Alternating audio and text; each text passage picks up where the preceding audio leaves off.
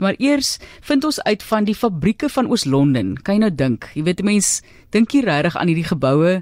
Nie en tog is dit natuurlik so 'n geweldige groot deel van ons ekonomie en ontwikkeling. En Dawie Botha is 'n siviele ingenieur. Hy was onder andere vir 19 jaar die uitvoerende direkteur van die SA Instituut van Siviele Ingenieurswese. En as ingenieur is hy tans mede-voorsitter van Proset. En dis die Science Engineering and Technology onderafdeling van die Nasionale Wetenskap en Tegnologie Forum. Hy weet waarvan hy praat en hy stel vir ons hierdie gesprekke saam en ons is so dankbaar daarvoor Dawie, want 'n mens sal nie daaraan dink nie en ook die rolle sê jy by die saamwerk van professies in hierdie geboude omgewings. Fabrieke toe in Oos-London, welkom. Goeiemôre Matalies en baie dankie vir die dankie jong, ek waardeer dit, hoor. Ons kyk na Buffalo City eerstens, soos jy sê. Ja, sy. ja.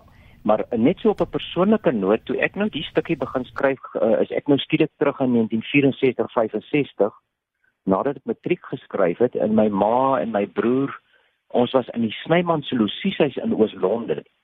Toe daar 'n telegram aankom wat toe vir haar aangestuur is uh, van die aardse kant af wat sê ek het 'n spoorwegbeurs vir siviele ingenieurswese gekry om te gaan studeer. Nou ja, sy het vir die res van die dag gehuil ek kan nie onthou of ek gelaf gehuil het nie, maar ja, dit is dit is werklik waar so 'n bietjie persoonlike terugblik wat ek nou eers weer onthou het. So my my paadjie uh, in Oos-London het ook op 'n stadium uh saam begin loop. Maar goed, uh dis altyd vir my nou interessant die laaste tyd as mense nou met hierdie praatjies begin en jy kyk nou na die plekname en dis Buffalo City in Oos-London en naderhand weet jy nie regtig wat is die regte een nie, né? Nou ja, Oos-London is is een van ons kleiner hawe stede en uh die enigste een wat as 'n natuurlike hawe beskou word op die Buffelsrivier. Die rivier was daar diep genoeg sodat hulle 'n uh, relatief maklike hawe kon bou. Nou al ons ander hawens is natuurlik op groot koste dieper gemiddel of die grond is dieper gemaak, dieper gebagger en dan is die see uh arms en die en die kaaie is uitgebou in die see. Nou is Londen is 'n is 'n interessante stad as mens eers begin nader kyk na hom. Ehm um, hy het op 'n stadium 'n hele reeks fabrieke gehad. Ehm um, wat dinge soos ek as ek reg onthou, hy het die komberse, paker penne en lekker goed uh vervaardig het.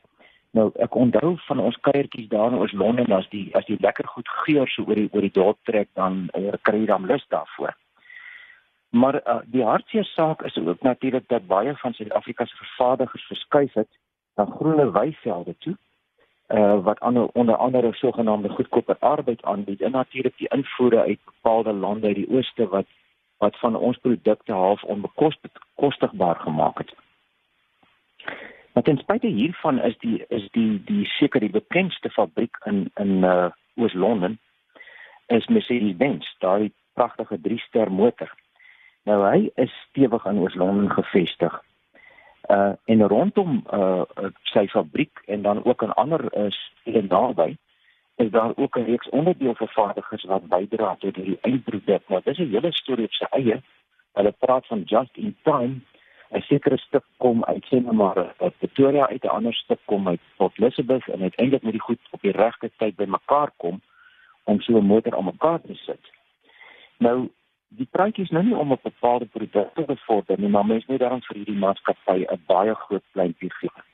As mens dink daar in die Ooskaap waar hulle baie diep spore trap met verwysing na die werksgeleenthede en ons weet hoe hoe groot probleem uh werksgeleenthede in in die Ooskaap spesifiek is.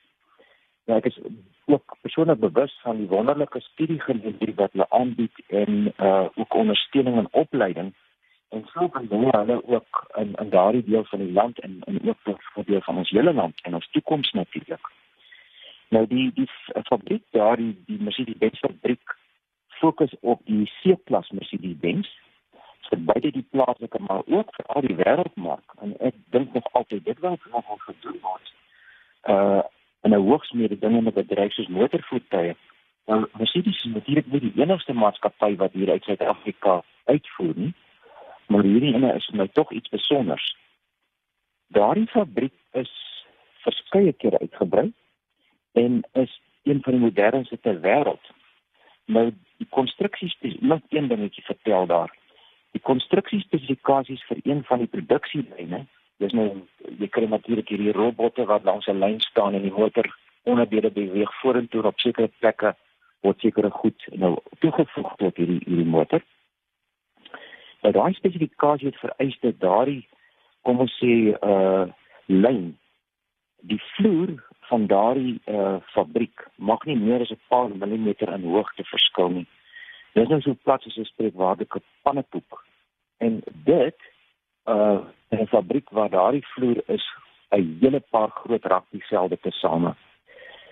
'n Interessante ding is dat die die fabrieke daar reg langs die hawe. So die die motors word voltooi en dan ry hulle met 'n brug direk uit die fabriek na die na die kaai toe en dan word dit daar gelaai in die sogenaamde rou-rou skepe. Ek dink dit staan vir rou aan rou af. Nou miskien het julle al gesien dat daar in Durban se hawe en natuurlik by Oos-London is daar sulke groot vierkantige skepe, lyk amper soos 'n groot baksteen daar in die see. En hulle het byna vertikale wande en dan 'n stomp sterk en hulle is spesiaal gebou om om motorvoertuie te vervoer. Hier aan die kant maak hulle groot deure oop en dan ry die voertuie sommer direk in.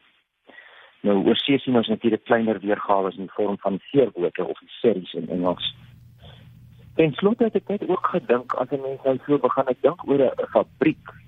Ehm um, en die onsigbare netwerk van professies wat dit moontlik maak om 'n stad soos Oos-London of 'n fabriek soos van Mercedes te beplan te bou en te bedryf en te onderhou. Daar sit 'n skare mense agter daardie fabrieke en wat daar aangaan. En miskien moet mense daarmee begin het toe ons begin praat oor hoe ons land gebou is. Want el, agter elke brug en pad en waterwerke, kragstasie, damfabriek is 'n lang storie. Nou hierdie reeks professies is bekend as die geboude omgewing professies. In Engels noem ons dit ehm uh, built environment professies.